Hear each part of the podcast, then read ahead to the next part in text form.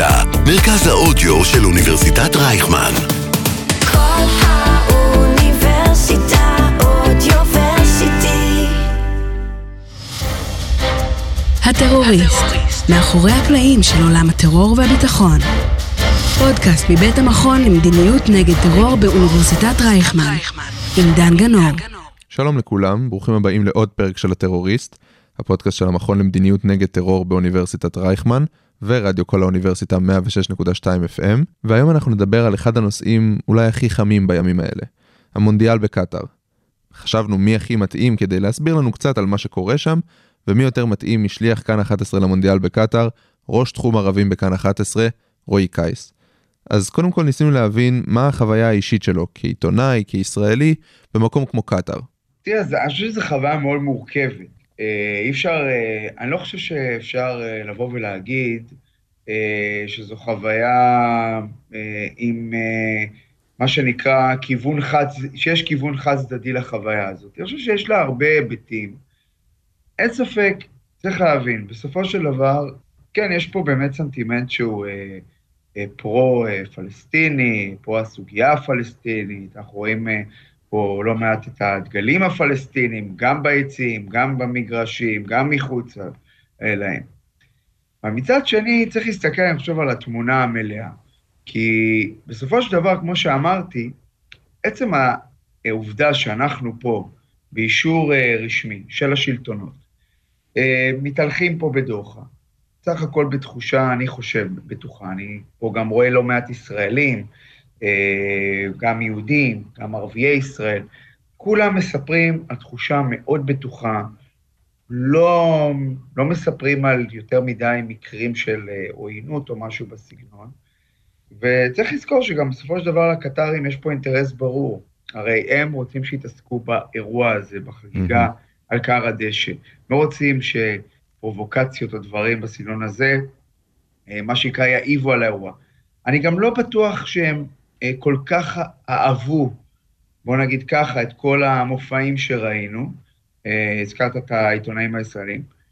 אה, גם, גם לי זה קרה, כלומר, אה, היה, היה מצב שקטעו לי איזשהו שידור, ניסו לקטוע לי איזשהו שידור ב, בשוק אה, וואקה, והצליחו, ובסדר, זה לא, אתה יודע, לא, אה, לא, לא צריך יותר מדי להתרגש מזה, אבל, אבל, אה, אבל זה בדיוק הסיפור, כי כשרואים את זה, אה, את מה שקרה את הסצנה, אז אתה אומר, הנה, אז כולם שם אה, אה, פרו-פלסטינים וכולם אה, נגד ישראל, והסיפור, לפחות בחוויה שלי, שקרה כאשר קטעו לי את השידור, זה היה אחרי ששני מרוקנים הגיעו אלינו, ודווקא רצו מאוד לדבר איתנו, וידעו שאנחנו ישראלים, ואז פעילים הפרו-פלסטינים התעצבנו על זה שהם משתפים פעולה וואלה. עם, עם התקשורת הישראלית, ומה שנקרא שוברים להם את החרם. אז הבנו שהחוויה הייתה חיובית, אבל האם זה אומר שהקטרים באמת אוהבים אותנו? אני חושב שהדיון, אנחנו אה, קצת לקחנו את הדיון אה, לגבי המונדיאל הזה בקטאר, האם אוהבים אותנו או האם שונאים אותנו. אני חושב שהדיון בשנים האחרונות בעולם הערבי הוא דיון אחר לחלוטין. הוא הדיון האם החרם על ישראל, כלומר אי ההידברות עם ישראל, אי המגע עם ישראל, משרת הסוגיה הפלסטינית או לא משרת הסוגיה הפלסטינית. ויש מחנה מאוד גדול שחושב שעדיין צריך להחרים את ישראל, ואנחנו רואים אותו פה כמעט כל יום בדוחה, אנחנו חווים את זה, הוא קיים, והוא, והוא גם, אני חושב שהוא באמת אה, הרוב כרגע. אבל יש עדיין מחנה, שאומנם באמת מיעוט, הוא, הוא לא גדול, שכן חושב אחרת, ועובדה, ראינו את הסכמי אברהם, הסכמי הנורמליזציה. מהמם. האם זה אומר שאחרי שנחתמו הסכמים, המדינות האלה, האמירויות, בחריין, מרוקו, סודאן, שכחו את הסוגיה הפלסטינית? לא, ממש לא. ומעבר לכך, עם כל הכבוד להסכמים האלה, שהם חשובים במישור המדיני, ויש להם השלכות, ובאמת הם חשובים. כלומר, בסופו של דבר, מאות אלפי ישראלים נוסעים היום בחופשיות לדובאי. אה, לדובאי ולאמירויות, כלומר, אבל בסופו של דבר האתגר הגדול הוא העמים מול עמים. מה שאנחנו רואים פה בדוחה, אה, לא צריך לתת תזכורת לזה שלא אוהבים אותנו, שונאים אותנו. אנחנו יודעים, אנחנו מכירים את הסנטימנט ברחוב הערבי, כן, יש הרבה שלא אוהבים אה, ישראל, וכן, ומאוד מזדהים עם הסוגיה הפלסטינית. אבל, אבל אבל כן יש פה איזה... הדבר. הדבר המשמעותי הוא לחשוב איך אנחנו מגדילים את המחנה שכן רוצה להידבר עם ישראל.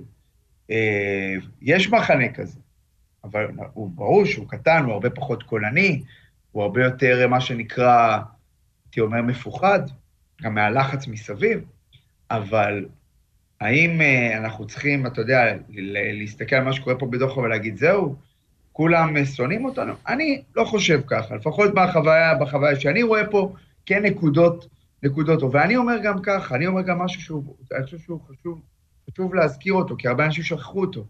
בגלל שראינו את כל המראות והפרובוקציות וכל הדברים האלה, שכחנו שטיסות ישירות, לראשונה בין נתב"ג לדוחה, שזה אקט נרמול, אין יותר אקט נרמול מזה, טיסות זה אקט של נרמול. עכשיו, אם יגידו לך, אנשים פה בדוחה, וגם ראיתי את העיתונות הקטרית, שהם עשו את זה כדי שהפלסטינים יבואו לפה בהמוניהם, אין פה הרבה פלסטינים. אין, כלומר, אני לא מצאתי פה, אני לא בדקתי את זה אמפירית, אבל לא מצאתי פה הרבה פלסטינים שהגיעו לפה מרמאללה, משכם, מעזה. אני אישית לא נתקלתי. דווקא מצאתי בו המון המון ישראלים. הרבה ישראלים, ערביי ישראל, יהודים. כן. עכשיו, עכשיו גם צריך, אז, אז מה, מה שאני אומר, שאין ספק שעל על הנוכחות שלנו פה צריך לפצות בסנטימנט מוגבר עוד יותר לסוגיה הפלסטינית, סנטימנט שכבר קיים, וצריך להגיד עוד מילה, אנחנו נמצאים בקטאר. קטאר היא מדינה שאחד הטיקטים שלה בשנים האחרונות, שהיא מנסה מאוד להיות מעורבת בסוגיה הפלסטינית, לנכס אותה לעצמה, ואפילו לאגף מדינות ערביות אחרות, להגיד, אנחנו הכי עומדים לצד למ- הפלסטינים. למה זה ככה לדעתך? קודם כל, אה, כי קט... קודם כל קטאר, מבחינה אידיאולוגית, היא מדינה שמזוהה עם מחנה האחים המוסלמים. עכשיו, מחנה האחים המוסלמים, אתה יודע, אם אנחנו לוקחים למשל, מי במחנה האחים המוסלמים בעולם הערבי וה... והאסלאמי, והמוסלמי, אז יש לך את קטאר, יש לך את טורקיה של ארדואן, שהם הם מנסים, הן מנסות, המדינות האלה, קטאר וטורקיה, להשתמש בסוגיה הפלסטינית ובסיוע ובעמידה ובמתקפות על ישראל, כדי להראות, אנחנו הרבה יותר לצד הפלסטינים ממדינות ערביות אחרות. מהמם. וזה, אגב, זה גם מתחדד אל מול כל, אתה יודע, כל תהליך הנורמליזציה עם ישראל, ברור. שמתקיים בשעתיים האחרונות.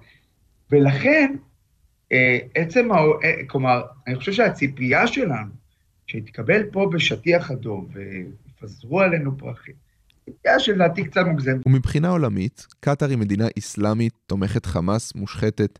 ניסינו להבין איך היא מצליחה לגשר על הפער ההסברתי בין זה, לבין היותה מדינה מכניסת אורחים שמארחת את המונדיאל. קטאר היא מדינה שמדברת עם כולם, עם כולם כולל כולם. למה אני אומר את זה? כי מצד אחד היא מארחת פה בדוחה את הנהגת חמאס. גם הטליבנים יושבים פה, הטליבן באפגניסטן. הצד השני, היא בשנה האחרונה, ובכלל בשנים האחרונות, היא הופכת להיות פרטנר מאוד מאוד מחוזר במערב, בגלל המשאבים שלה, בגלל משאבי האנרגיה שלה, יש לה משאבי גז, היא הולכת להיות יצואנית הגז מספר אחת ב, בעולם בשנים הבאות. מהמם. האמריקנים מאוד אוהבים לעבוד איתם, אפילו גם בזמן טראמפ, אבל גם עכשיו בזמן ביידן, וגם האירופים, והתפקיד שלה עוד יותר מתחדד בגלל כל המשבר האנרגיה שנוצר אה, בגלל המלחמה בין רוסיה לאוקראינה. כלומר, כלומר, קטאר היא מדינה רבת פנים. היא שדרגה עד לכדי אומנות את, ה, את הביטוי לרקוד על כל החתונות. כי בסופו של דבר, אני חושב שקטאר, הרבה, אה, יכול להיות מדינות ערביות, מסתכלות על, עליה ואומרות, הם גם מצליחים אה, מבחינתם להראות, אה, להראות את עצמם הכי פרו-פלסטינים, הכי תומכים, הכי זה. הצד השני, במערב אה, אה, מסתכלים עליהם בצורה די טובה. עכשיו, תראה, אין ספק שקטאר לקחה את המונדיאל הזה, אה, זה אירוע מורכב. מצד אחד, הקטרים התכוננו 12 שנה לאירוע הזה, הם קיבלו אותו ב-2010, וכאמור, יש הרבה פרשיות סביב המונדיאל הזה. השחיתות, השוחד שנתנו, אה, וגם באמת כל הסיפור של העובדים הזרים, אלפי העובדים הזרים שנהרגו, ש, שנהרגו פה בבנייה של האצטדיונים. אין ספק, הם לקחו את כל המונדיאל הזה על שלל היבטיו, ואני חושב שהם גם ידעו שתהיה ביקורת בסופו של דבר. אבל צריך להבין, אנחנו נמצאים במדינה מוסלמית, שמרנית, שיש פה ממסד דתי, שמצד אחד, אתה יודע, כל אחד מושך לכיוון אחר, מצד אחד יש פה ממסד דתי שמרני שאומר לא, לא אלכוהול, לא זה, לא זה. מצד שני, יש פה בית מלוכה או אה, אמיר, שבסופו של דבר רוצה למתג את קטאר. אתה יודע, הוא רוצה בסופו של דבר... מבין שאי אפשר להתבודד. אה, עכשיו, עכשיו הגיעו לפה למעלה מ-765 אלף תיירים, אגב, שזה פחות מההערכות הראשוניות. הקטרים, הרי מה הם רוצים? הם לא מסתכלים רק על המונדיאל, הם מסתכלים גם על היום שאחרי המונדיאל. כי בסופו של יום, מה שקורה בכלל באזור שלנו, ובעיקר במפרץ, זו תחרות גדולה מאוד בין המדינות השונות על התיירים, התיירים מהמערב, התיירים הזרים. אנחנו רואים את זה, גם הסעודים, גם האמירותים, אתה יודע, דובאי. ריאד, ג'דה, וגם דוחה. דוחה רוצה גם להיות שם, בסופו של דבר. וזה הדבר המשמעותי. ולכן, אז הם משחקים את המשחק הזה, אז אתה כן יכול להשיג אלכוהול במקומות מסוימים, אבל לא במגרשים, אה, להט"ב זה פחות, כלומר, יש פה הרבה מאוד מה שנקרא, אתה יודע, אה, קצת אה, לשחרר חבל ולמשוך אותו. ואנחנו רואים את זה קורה, אבל, אבל בסוף, אני כן רוצה להגיד לך, ולמי שיאזין לנו, שבסוף בסוף, כשאני מסתכל פה בדוח, אני רואה, אני רואה פה את האנשים, נשים, נשים, דבר אחד אני חושב, מסתובב בצורה חופשית, איך שהוא רוצה.